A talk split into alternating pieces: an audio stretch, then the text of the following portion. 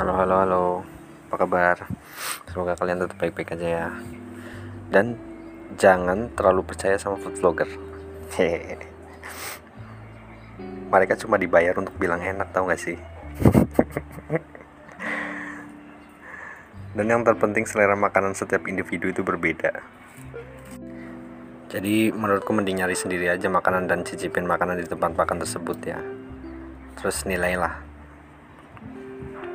jadi menurutku nggak heran ya kalau misalkan ada tempat yang tempat makan yang awalnya ramai sebelum kemudian sepi karena sekedar ngandelin promosi dari food blogger kalau nggak dari eh, orang-orang ternama gitu. Tapi karena makanannya kurang jadi ya udah sepi lagi. Eh, agak kurang setuju juga ya sama tempat makan yang majang foto-foto orang besar lagian foto-foto atau tanda tangan orang-orang besar nggak ada korelasinya dengan tes makanan ya yang ada di resto itu ya. Right benar dong. Kecuali dengan majang foto-foto orang penting di resto itu kemudian tesnya jadi lebih enak itu kan nggak make sense ya. Eh nah kalau misalkan nggak ada korelasinya dari apa namanya korelasinya sama tes makanan kan eh, menurutku nggak penting aja gitu ya.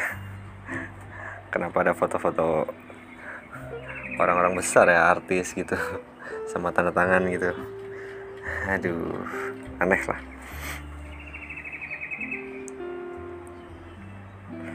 Eh, lagian juga kalau menurutku ya orang-orang besar itu kayaknya bukan food tester yang punya kredibil- kredibilitas doh dalam urusan makanan loh ya.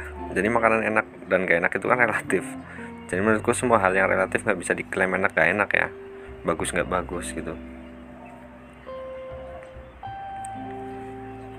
Jadi menurutku sih eh, lebih baik kalian cobain makanan atau suatu tempat itu langsung langsung aja tempatnya gitu. Jadi biar biar ngerasain gimana enak nggak enaknya ya.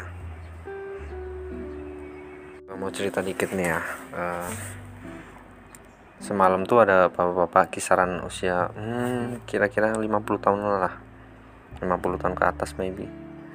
Sama anaknya tuh pesan makanan. Mereka ya contoh-contoh orang kaya kayaknya ya. Mereka pakai mobil kayak mobil dinas gitu sepertinya orang penting sih. Maybe PNS jabatan tinggi. Mereka berdua mesen ketoprak.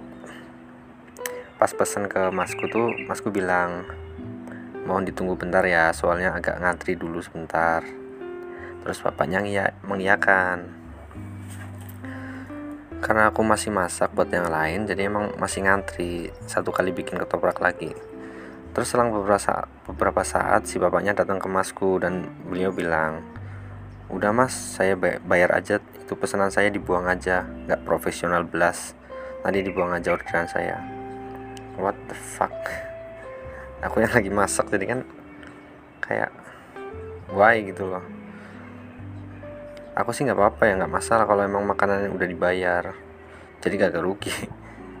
Bisa aku kasih customer lain. Nah, maksudnya yang aku heran tuh adalah eh, yang pertama tuh kenapa gitu loh kenapa harus dibuang gitu. Itu kan makanan. Udah jadi dibikin gitu. Kenapa orang nggak sabar banget gitu?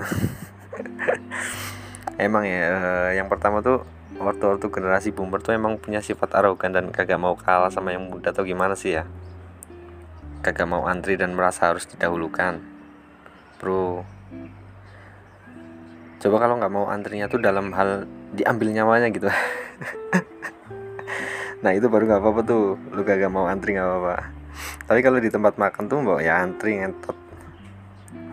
Ngentot lah. Kesel. Sebel aja gitu loh. Ya wajar aja sih kalau banyak yang meninggal lagi berdarah tinggi ya. Karena arogan dan pemalas. Eh, yang kedua tuh ortu-ortu seperti ini tuh yang notabene generasi boomer tuh apakah gak tahu proses pembuatan ketoprak ya hidup lebih dari setengah abad ke mana aja ya. Ketoprak tuh prosesnya lumayan lama ya. Jadi harus sabar.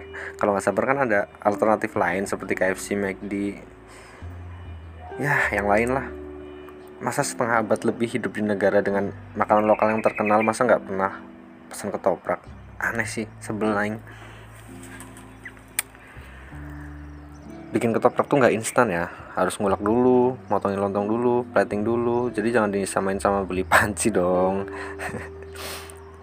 Beli panci mah tinggal bilang sama mas yang jualan juga langsung dikasih. Jangan disamain juga kayak beli bensin nunggu 2 menit udah terisi ya. Kecuali kalau bensinnya harus diolah dulu. Nah mampus lu nunggu puluhan ribu tahun untuk mendapatkan minyak mentah dari fosil dulu belum lagi diproses jadi berbagai jenis bahan bakar ya kan. Mampus nggak tuh nunggu sampai mati juga nggak bakal jadi jadi itu bensin. Emang ya ortu-ortu generasi boomer tuh menyebalkan. Kayak bapak-bapak ini tuh emang lebih cepat ditunggu meninggal daripada menunggu beliau berubah jadi lebih baik. Emang benar emang benar udah tua bukannya makin sabar malah makin egois. Bapak-bapak ini tuh sepertinya contoh nyata generasi boomer yang lahir di era di mana ya yang bisa dikatakan sebuah pekerjaan ya PNS gitu. Yang mereka anggap pekerjaan tuh ya PNS gitu. Kerjaan yang lain yuk menurut dia kayaknya nggak penting dah menganggap PNS itu segalanya. Uh, I'm sorry to say ya fuck you. Waktu-waktu ini memang kagak tahu ya kalau PNS itu udah kagak relevan lagi menurutku ya. Masih ada kerjaan yang lain yang lebih menghasilkan puluhan juta dan ratusan juta ya. PNS dapat puluhan juta bahkan ratusan juta kan kagak mungkin kecuali korupsi. Iya kan bener dong. Iya dong. Sebel banget dah. Sumpah. Emang agak sulit ya ngomongin orang-orang ya yang nggak mau sabar gitu. Jadi kita yang harus sabar.